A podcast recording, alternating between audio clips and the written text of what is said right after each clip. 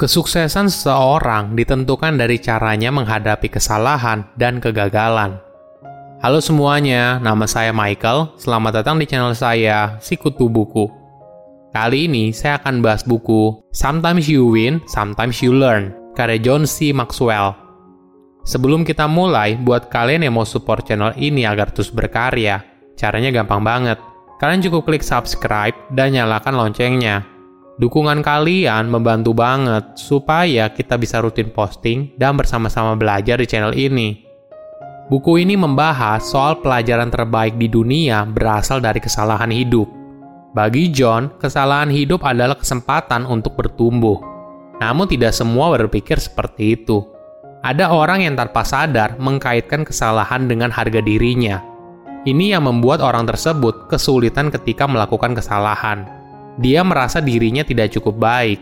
Padahal yang jauh lebih penting adalah apa yang kamu pelajari setelahnya. John berargumen, tidak ada namanya kita kalah selama kita punya mindset yang benar untuk belajar dari kesalahan masa lalu. Saya merangkumnya menjadi tiga hal penting dari buku ini. Pertama, kesalahan bukan berarti gagal. Banyak orang diajarkan sejak kecil kalau membuat kesalahan adalah hal yang buruk. Kenyataannya, kita baru bisa belajar ketika kita membuat kesalahan. Kesalahan menunjukkan hal yang tidak kita ketahui, dan ketika kamu berbuat kesalahan, maka pada akhirnya kamu telah mengetahuinya. Namun, ada tipe orang yang berbeda: orang yang tidak sadar kalau mereka lahir dalam sebuah sekolah kehidupan. Jika kita tidak belajar atas kesalahan kita pertama kali, maka kita mungkin akan mengalami kesalahan yang sama berulang kali dengan bentuk yang berbeda. Sejarah membuktikan banyak penemuan dan pencapaian besar berasal dari orang yang belajar dari kesalahannya. Mungkin analogi yang lebih tepat untuk hal ini adalah kisah Thomas Alva Edison. Suatu hari, ada seorang reporter yang bertanya kepada dia, bagaimana rasanya gagal seribu kali? Edison lalu menjawab, saya tidak gagal seribu kali. Bola lampu adalah penemuan dengan seribu langkah sukses besar dibangun di atas kegagalan, frustasi, bahkan malapetaka. Inilah orang yang melihat kegagalan bukan sebagai jalan buntu, tapi sebuah peluang untuk bisa belajar dari kesalahan agar tidak mengulanginya di masa depan. Menariknya, melakukan kesalahan bisa dilakukan oleh siapa saja, tanpa melihat seberapa lama pengalaman yang kamu miliki atau seberapa tua kamu. Sebagai contoh, John bercerita kalau di umurnya ke-67 tahun, dia masih membuat kesalahan pada buku ke-71-nya. Hal ini menunjukkan di usia yang tidak lagi muda dan pengalamannya banyak sekali dalam buat buku, John masih melakukan kesalahan. Bedanya adalah dia sekarang punya keahlian untuk belajar dari kesalahan tersebut dan move on lebih cepat. Belajar dari kesalahan bukanlah kemampuan yang memang dari sananya, Fakta kalau kamu melakukan kesalahan bukan berarti kamu pasti belajar dari kesalahan tersebut. Ketika kamu mulai menerima dan belajar dari kesalahan tersebut, itulah awal mula perkembangan kamu secara pribadi dimulai. John pernah bilang, kalau pengalaman bukanlah guru terbaik, tapi mengevaluasi pengalaman itu baru guru terbaik. Sederhananya, kamu mulai bertanya, kenapa salah? Apa yang bisa dipelajari dari kejadian ini? Kedua pertanyaan ini merupakan sangat penting dan menjadi penentu kesuksesan dan kegagalan kamu di masa depan.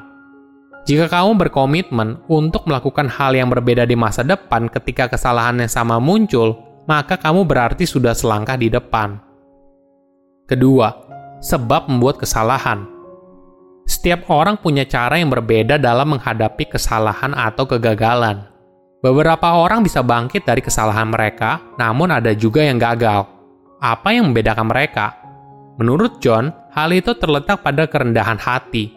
Orang yang sombong sulit menerima kegagalan, dan hal ini membuat mereka tidak bisa maju.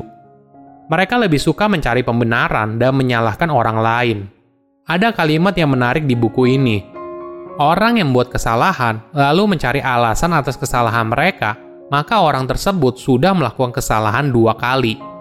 Ini yang perlu kita cermati bersama ada ungkapan lain yang menarik. Zaman batu tidak berhenti karena orang pada zaman itu kehabisan batu. Zaman batu berhenti karena mereka terus belajar dan berkembang. Itulah beda pola pikir orang yang berhasil dan tidak. Mereka tidak melihat kesalahan atau kegagalan sebagai hal yang tabu, tapi mereka mengakuinya dan belajar agar tidak mengulangi hal yang sama.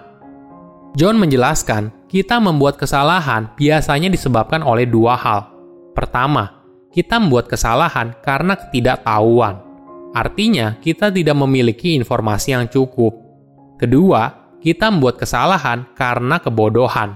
Artinya, kita punya informasi yang cukup, tapi tidak memanfaatkannya dengan baik.